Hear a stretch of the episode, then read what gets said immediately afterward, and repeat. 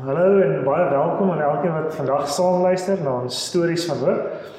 Ek is hier so by John Du Plessis vandag en hy gaan 'n bietjie met ons gesels oor hoe die dinge by sy werk werk en hoe dit gekom het dat hy werk. Hy werk hy is 'n finansiële beplanner en hy maak planne vir 'n lewe vir homself en vir ander mense. So John, vertel ons bietjie meer oor jou agtergrond en hoe dit gekom het jy vandag vir Momentum werk. Hallo Fransjo ja en ehm um, dankie ook vir die geleentheid. Ek waardeer dit. Ek het ek het groot geword in 'n finansiële huis waar my pa in daai tyd nog volkskasmakelaars gewerk het. My ma het vir Sanlam gewerk okay. en ek het basies groot geword in die versekeringswêreld en dit is altyd taal en woorde wat my bygebly het en dis interessant hoe baie van die terminologie wat ons vandag gebruik al vir die laaste 30 jaar relevant is. Hmm. My ehm um, my interessante ding is is my sussie werk al vir 5 26 jaar vir Momentum. Haar man is 5 26 jaar by Momentum en ek is nou self amper 16 17 jaar by Momentum. So ons is ons is maar in die finansiële bedryf. Hulle kom 'n lang pad saam met Momentum. Ja, en en dis dis 'n hier is kom die maatskappy ook gekies het daai tyd. En ek sê tot vandag toe nog ek sal nie vir 'n ander maatskappy gaan werk nie en ek is baie dankbaar vir die geleentheid wat ek het Ehm um, ek sien dit ook as 'n positiewe manier om mense te beïnvloed. En ek dink finansies is is 'n sensitiewe onderwerp in mense se lewens. En dis nie altyd wat jy mense kry om oop te maak oor hulle finansies nie, maar dis een van jou belangrikste dele van jou van jou totale well-being, ekskuus vir die Engelse woord, maar dis dis een van die belangrikste dele wat jy na moet kyk en en ek het nog altyd gesê as ek die oggend opstaan en voel ek gaan nie werk toe nie dan weet ek ek is in die beroep in die bedryf wat die Here wil hê ek moet wees mm. en dat ek van daar af kan uitgaan en en mense positief invloed beïnvloed en positiewe verskille in hulle lewe lewens teweegbring. Hoekom het jy 16 17 jaar terug momentum gekies? So vir my is dit ook 'n groot integriteitsding is ek is nie tipe mens wat iets aan iemand kan aanbied mm. en nie in die produk glo nie. Ek moet 100% seker wees dat dit wat ek aan die kliënt aanbied is reg vir my om my kop vanaand op 'n kussing neer te sit en te weet ek is rustig daaroor. Ja John, jy jy, jy sien nou jy's in die finansiële bedryf en jy het al heelwat mense se finansies gesien. Jy's daai ding wat so moeilik is om baie keer oop te maak mm. vir vir ander mense, baie keer nog meer jou eie gesin. Ehm um, ek seker is van kan saamstem dat uh, beide die wat baie het en die wat min het, nog sukkel om wyse besluite te maak oor ja. hulle finansies. Het jy dalk 'n storie van so 'n geval wat jy met ons kan deel? Fransjo, ja, ek het ehm um, dis dis interessant in die lyn van my beroep, beroep is dit elke tipe mens wat jy sien, jy sien mense wat R5000 'n maand verdien en jy sien mense wat R300000 'n maand verdien. En ek het een ding agtergekom en dit is dat geld relatief is. Ek ek sit met mense wat R30000 se skuld het en hy kan nie slaap in die aand nie. En ek was laasweek in Potchefstroom gewees en ek het met 'n boer gesels wat 26 jaar oud is en hy het 44 miljoen rand se skuld. En hy het gesmaal van die hele dag lank want dit is vir hom relatief. Sy omset is van so hard dat hy daai skuld kan diens.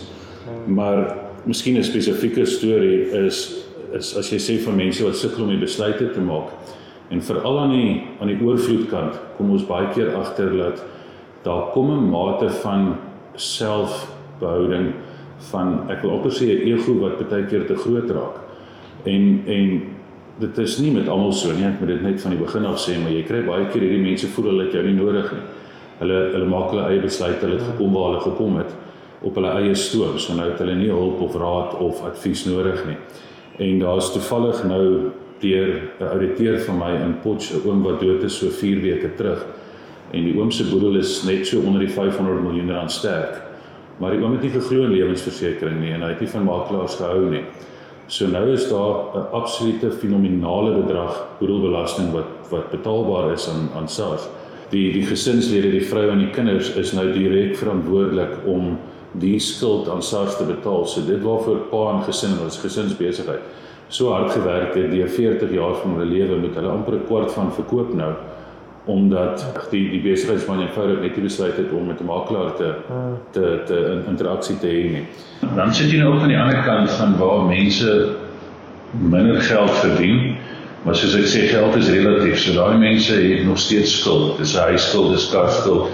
En soos ek sê, dit, dit kos geld om siek te word vandag en dit kos geld om dood te gaan. En as jy jou jou vermoë om inkomste te verdien verloor as gevolg van 'n siekte, het jy probleme vandag. Nou om om daai mense te help om dit aan te spreek is is nie so moeilik nie want jy kan dit teen 'n relatiewe goeie premie doen omdat die dekking noodwendig nie so hoog is nie.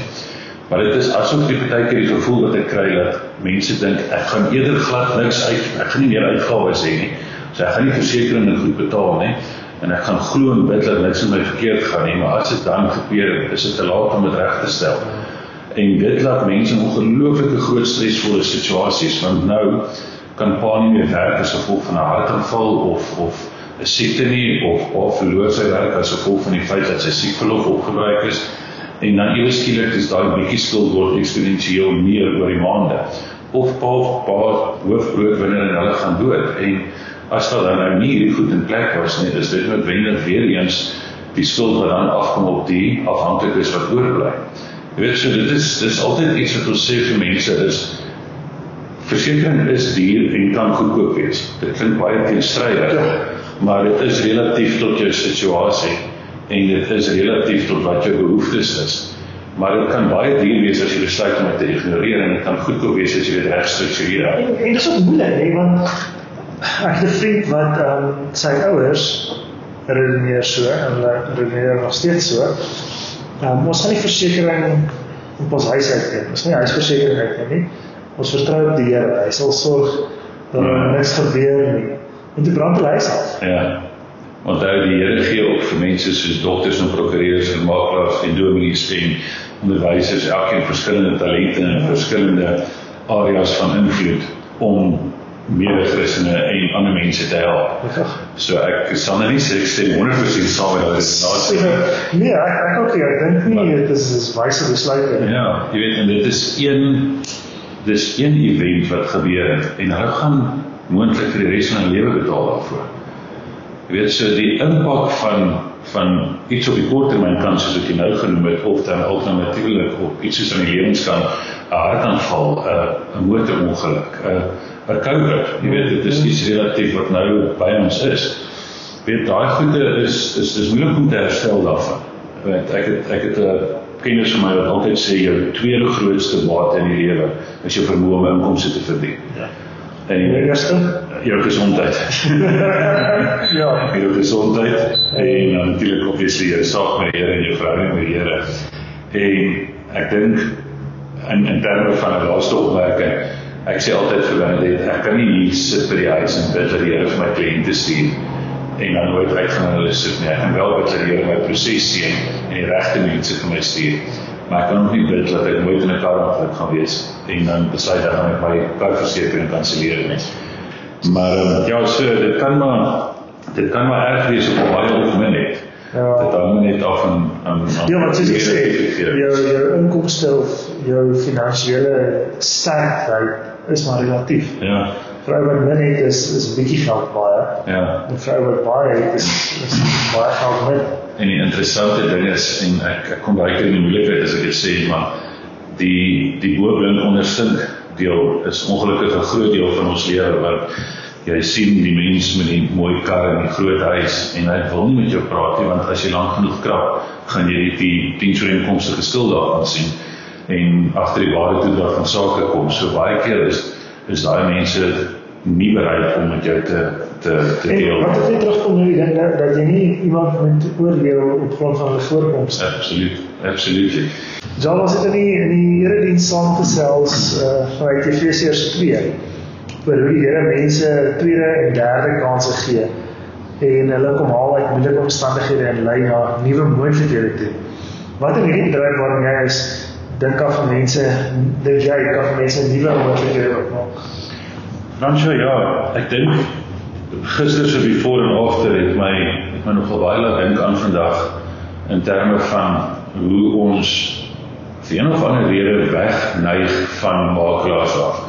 Uh Unisa het hierdie ding gedoen wat hulle gevra het vir die vir die publiek, wat is die bedryf wat jy die minste vertrou? En ek is baie trots om te sê ons is tweede van onder af. dis blykbaar net prokureer vir die publiek minder vertrou. Maar ek verstaan dit en dis ook een van die redes hoekom ek in die bedryf ingekom het want ek wil graag die persepsie van mense verander om eerlik en reg te werk. En die bevoordeel kan wees voordat jy na jou versekerings en jou en jou mediese fonds en jou beleggings en daai goed gekyk het en hoe die prentjie kan lyk agter.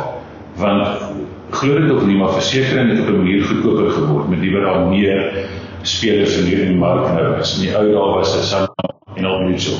Vandag is daar 7 of 8 of 10 verskillende maatskappye wat relatief dieselfde dienste bied, nie noodwendig produkte nie, maar dieselfde dienste bied. So vraag en aanbod het 'n bietjie verander. Dink die ding wat ek gister gekry het uit 'n finansiële oogpunt uit jou preek uit. En ek het mooi geluister was die feit dat moenie moenie die goed ignoreer nie. Dit is nie altyd 'n lekker gesprek nie maar dit kan 'n baie positiewe gesprek raak en ons is in 'n bedryf wat vreeslik vreeslik gereguleer word. So my bedryf kan ek nie met jou sit en gesels en vir jou iets aanbied wat jou in 'n slegter posisie plaas as wat jy was nie. So ek kan slegs jou help as ek jou in 'n beter posisie kan sit. Anders word ek verplig om te sê daar waar jy nou is, moet jy bly. So ek sit baie keer en dink, wat kan jy verloor jy na die goed kyk? Hmm weet jy kan of net bevestiging kry dat daar waar jy nou verseker is is jy goed en reg en kry of jy kry dalk iets wat vir jou baie beter is. Uh John, wat gee jou hoop in jou werk? Weet jy Fransjo, ek ek die die ding in my werk is is as dit sleg gaan met jou daar's dood in die familie of jy het 'n siekte gekry en jy daai stresvolle oomblik, dan loop ek ek is die ou wat daar aankom want in die ou dae met 'n check maar dis dan met 'n EFT van 'n company af wat sê weet jy wat? Ek weet dit is 'n slegte tyd ek weet dit is 'n emosionele tyd maar omdat jou pa of jou man of jou vrou besef dat jy is vir hom belangrik het hy hierdie en hierdie uitgeneem en ons kan finansiële ver verligting bring so dit is die dis die een ding wat vir my ongelooflik baie hoop gee. Is die sin van in 'n donker diep tyd kan ons 'n bietjie goeie nuus bring En ek dink dis dis vir my seker een van die belangrikste dele van my beroep is om daar te wees. Ek is nou relatief nuut in my in aan hierdie kant van die tafel so ek het nog net een doodshuis gehad. En dit is interessant daai kliënt gebruik vandag nog daai doodshuis as 'n rede om ander mense te verwys na ons toe. Want dit is dit is die dit ou wil ou wil nie iemand afstaan aan die dood of of so iets en dan nog 'n sukkel met geld ook nie dit is dis 'n kombinasie van twee goed wat baie baie sleg is vir mense. Ja. Nou, een ding wat vir my hoop bring is dis nou hoeveel meer jonger mense is bereid om om met ons te engage met ons te gesels. En ek dink daar's versekerde dinge in die mark van hier ouderdom 526 tot 435 waar altyd 'n groot gaping was. Is daar versekerde meer toegeneemdheid om te gesels en beplanning te doen vir die toekoms as om eerder te wag. Ek dink dis oor sosiale media en een van mense word baie meer ingelig as wat hulle was in die ou tyd. En dan hoop ek dat die ouer mense dieselfde doen want hulle is ongelukkig daar groot ontblote risiko areas in mense se lewens as hulle hier by 45 en ouer word en en dis juist nou die tyd voor groot siektes en goed dan inkom om te kyk na hierdie goed en te sien of ons dit bederflik vir voordat dit te laat is. Ja, ek dink maar die die, die COVID gebeur. Die eerste ding wat ek gedoen het is ek my maak klaar gebel van oor die is ek gedek vir ja. vir as COVID iets met my doen. Ja. Ehm um, so ek dink dit is baie belangrik gevreesde siektes. As jy omgee na dit maak dan vanaf jy sê oor COVID en dis dis 'n groot ding wat nie nou hy doen nie regtig die rond is op sosiale media nie. Ek kan verstaan hoekom, maar ek dink dit is 'n belangrike punt om miskien net 30 sekondes aan te spandeer. By momentum alleenlik het ons plus minus 500 miljoen rand se doodseise uitbetaal aan COVID sterfte sover. Nou moet jy verstaan, ons het nie daarop gebudget 2 jaar terug nie. Ons het nie 2 jaar terug van COVID geweet nie. So nou vat jy al die versekeringsmaatskappye in Suid-Afrika en ons kry al biljoene rande wat uitbetaal is waarvoor daar nie begroot is nie. So dit kan noodwendig groot verhogings op jou premie teweegbring oor 3, 4, 5 jaar van nou af. So weer eens om daai basis van waar jou premies te verhoog nou af te bring, kan vir jou baie baie beteken in die volgende 2, 3 jaar. Nog enigiets wat jy wil byvoeg, dalk moet ons deel Hoe kan jy vir ons dan hoop gee oor oor hierdie jaar wat nou nog nie COVID klaar met ons is nie? Ja. Ehm um, ek dink ek dink in die sin van markte, markte is definitief beter om 'n klein bietjie te herstel. Ehm um, ek gaan nou soos 'n tipiese versekeringsmakelaar klink, maar dit is 'n goeie tyd om te belê want markte is goedkoop op die oomblik. En hoe goedkoop jy belê, hoe groter kan jy saamspeel in terme van die groei wat die mark kan bring. En ja, dit hang af van jou risikoprofiel en alles wat daarmee gepaard gaan. Maar ek wil ek wil graag vir mense sê dat ek dink dit is van kardinale belang om al is dit nie met my nie, maar met jou makelaar te sit en met hom te gesels. En miskien net een keer 'n jaar, want ons leef in 'n in 'n gemeenskap, ons leef in 'n wêreld wat nou so teen 'n spoed verander. Laat dit wat vandag relevant is, is môre irrelevant. En as daar iets in jou lewe gebeur, as jy van werk verander, as jy 'n huis koop, as jy 'n huis verkoop, as jy 'n kind kry, as jou kind uit die huis uitgaan. Ehm um, dit is belangrik om net jou makelaar bewus te maak van luister hier my omstandighede het verander, miskien moet ons sit. En dring daarop aan dat jou makelaar vir jou gaan kyk na ander premies in die mark. Laat hy met jou engage en sê maar kom ons kyk waar dit is. En en sien of daar nie besparings is nie, want op die oomblik dink ek cash is king, ons kontante skoon. En as jy vandag sonder skuld kan leef en jy kan geld wegsit dan dan is jy okay. Weet so ek ek is ek is nog steeds positief. Ek dink ek sal ek is een van die mense wat ja, ons almal het ons negatiewe dae en oomblikke wat dit nie vir ons lekker is nie, maar ek ek glo nog steeds die Here is groter as COVID en ek glo die Here is in beheer van ons lewens en hy gaan ons beproef op so 'n manier wat ons dit nie kan hanteer nie. Hy gaan ons altyd genoeg krag gee daarvoor.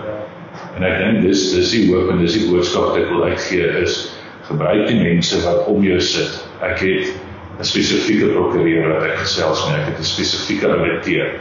Ek het 'n dokter. Weet gebruik daai mense wat die Here vir jou gee. Hy het vir hulle sekere talente gegee en hulle sekere kennis gegee. Gebruik hulle om seker te maak jy omring jouself met spesialiste. En van daar af een ding op 'n slag John Baba, dankie. Dit is sien. Dit is lekker om by te leer oor hoe ons dan planne maak vir ja. onsekere tye wat voor lê. Het jy dalk 'n getuienis wat jy met ons wil deel? Ja, ek ek ek sal ek, ek is altyd bereid om te deel en te keer te gaan. Maar kyk versekerings oor die algemeen is nie die maklikste produk om te verkoop nie. En deur Covid moes ons ons besigheid vir 3 maande toemaak. Ons is nou so 14 mense in ons franchise, so ons is baie trots op ons groei. En toe daarna moes ons mense ooreed om ons te laat kyk na hulle finansies wat baie persoonlik en vol vertrouenssituasie is deur Zoom en Microsoft Teams meetings en so dinge was nie maklik nie en dit is daai geneigtheid kom in dat mense negatief raak daaroor. Maar ek was nog altyd iemand wat baie probleem oplos gedryf is. Gee jy vir my probleme, ek sorteer dit uit. Dis dis dis hoe ek hou van dit. En toe ek baie begin bid oor my besigheid en ek het vir Here gesê ek gaan nou bid daaroor en as ek sê amen, dan vat ek daai probleem terug want ek gaan hom nou uitsorteer. En dit het net nie gewerk nie. Dit is asof die Here my net gedwing het om te sê minder van my en meer van hom. En ek moet ophou om vir hom 'n probleem te gee of 'n versoek te gee en terug te vat. En dit self met eie krag te probeer doen want ek moes leer dat ek kon nie 'n leeu se werk te maak in 'n leeu kuil nie en ek ek het al op my swembad geswaan maar ek kry ook nie die water om te gee pad nie. Ek kry ook ek brand ook as ek te naby aan die vuur kom en dis alles goed vir die Here almagtigheid, Here se almagtigheid vir my bewys het. En ek moes letterlik net eendag gesê het tot hier toe nie verder nie en ek gaan nou Here 100% vertrou om die regte mense op die regte tyd vir my pad te bring. En weet jy wat Fransjo dit is daai ek wil amper sê light bulb moment in my lewe gewees wat ek fisies kon voel die stres uit my lyf uit gaan vir daai daai dag. En dit was nie 'n dag of twee daarna nie. Het kliënte my begin dan vra om hulle te sien. Ek het eers gedink hulle is onder die invloed van iets wat wanneer hulle vra kliënte om hulle te sien. En daar het verwysings van bestaande kliënte gekom en daar mense wat ek al lank al werk maar gedink het is gaan nie werk nie terug om my kan sê ons is nou reg om met jou te gesels. En ek het vandag seker al vier bladsye van kliënte wat ek op die oomblik mee besig is. En ek kan nie anders as om te sê dis die Here se se hand daarin nie. Ek kan nie vir een oomblik dink dis dit bewerkstellig het nie. Dit is ek weier om dit te glo. So vir die wat moeilik is daar buite, moenie soos ek wees nie. Glo die Here en as jy dit vir die Here gegee het, los dit by die Here, moenie dit terugvat nie. Let go and let God. En ek het vir te lank let go, let John en ek het daai les op die harde manier geleer en ek is vandag baie dankbaar en baie nederig as ek dit sê dat dis 'n les wat ek ook nooit sal vergeet nie. En ek vertel dit vir my vrou en ons leef dit en ons albei het weer begin glimlag want ons was so besig om mekaar negatief te maak oor die moeilikheid by die werk dat ons vergeet het van dankbaarheid. En ons het vergeet van die Here beplan vir ons goeie dinge. Ons glo dit net vir 'n slag. Jy weet, so ek dink met 'n man maar 'n bietjie sagter ook, jy weet. Ja, dis net verskyne wat gesê het, ja, vir mense se sagter in jou lyding. Ja, Dis ook 'n doel daarmee. absoluut. En in jou lyding het jy nou presies hierdie ding geleer wat jy moes leer. Ja, ek, ek smaal nou van die linker tot die regter oor oor al die dinge wat op my pad is. En weet jy wat, daar's ook 'n mate van rustigheid. Die amazing ding wat die Here my gehelp het om te groei was om nou by die huis te kom en vir Benedict te sê, weet jy wat, dalk dalk is dit net nie die regte kliënt nie. Dalk is dit nie die regte tyd nie. Maar dis fyn want ek vertrou die Here. En ek het rustigheid daaroor. Ek sou 2 maande terug dalk jy al weer en weer gebel het of 'n oorlas vir myself gemaak want ek weet nie. Maar ek het ongelooflike rustigheid in die goeie dinge en in die slegte dinge. So dit is dis my getuienis, dis iets wat vir my baie hard en duidelik oor my pad gekom het en deur verskeie boodskappe op sosiale media, mense wat goed gesê het, mense wat statusse gedeel het, het almal so bymekaar gekom en vir my dieselfde ding gesê. So as jy dink dit is moeilik en jy dink dit is erg, vertrou. Dis 'n is 'n klein woordjie met groot krag. Ja, tyd word vir groot dag. Hmm. John, dankie vir jou storie. Dankie vir jou. getuienis. En dankie dat jy luister hierna. Ek hoop John se storie inspireer jou ook en vul jou met hoop. En dat jy ook die Here sal vind daar waar jy is vandag. Tot volgende keer. Totsiens. Dankie.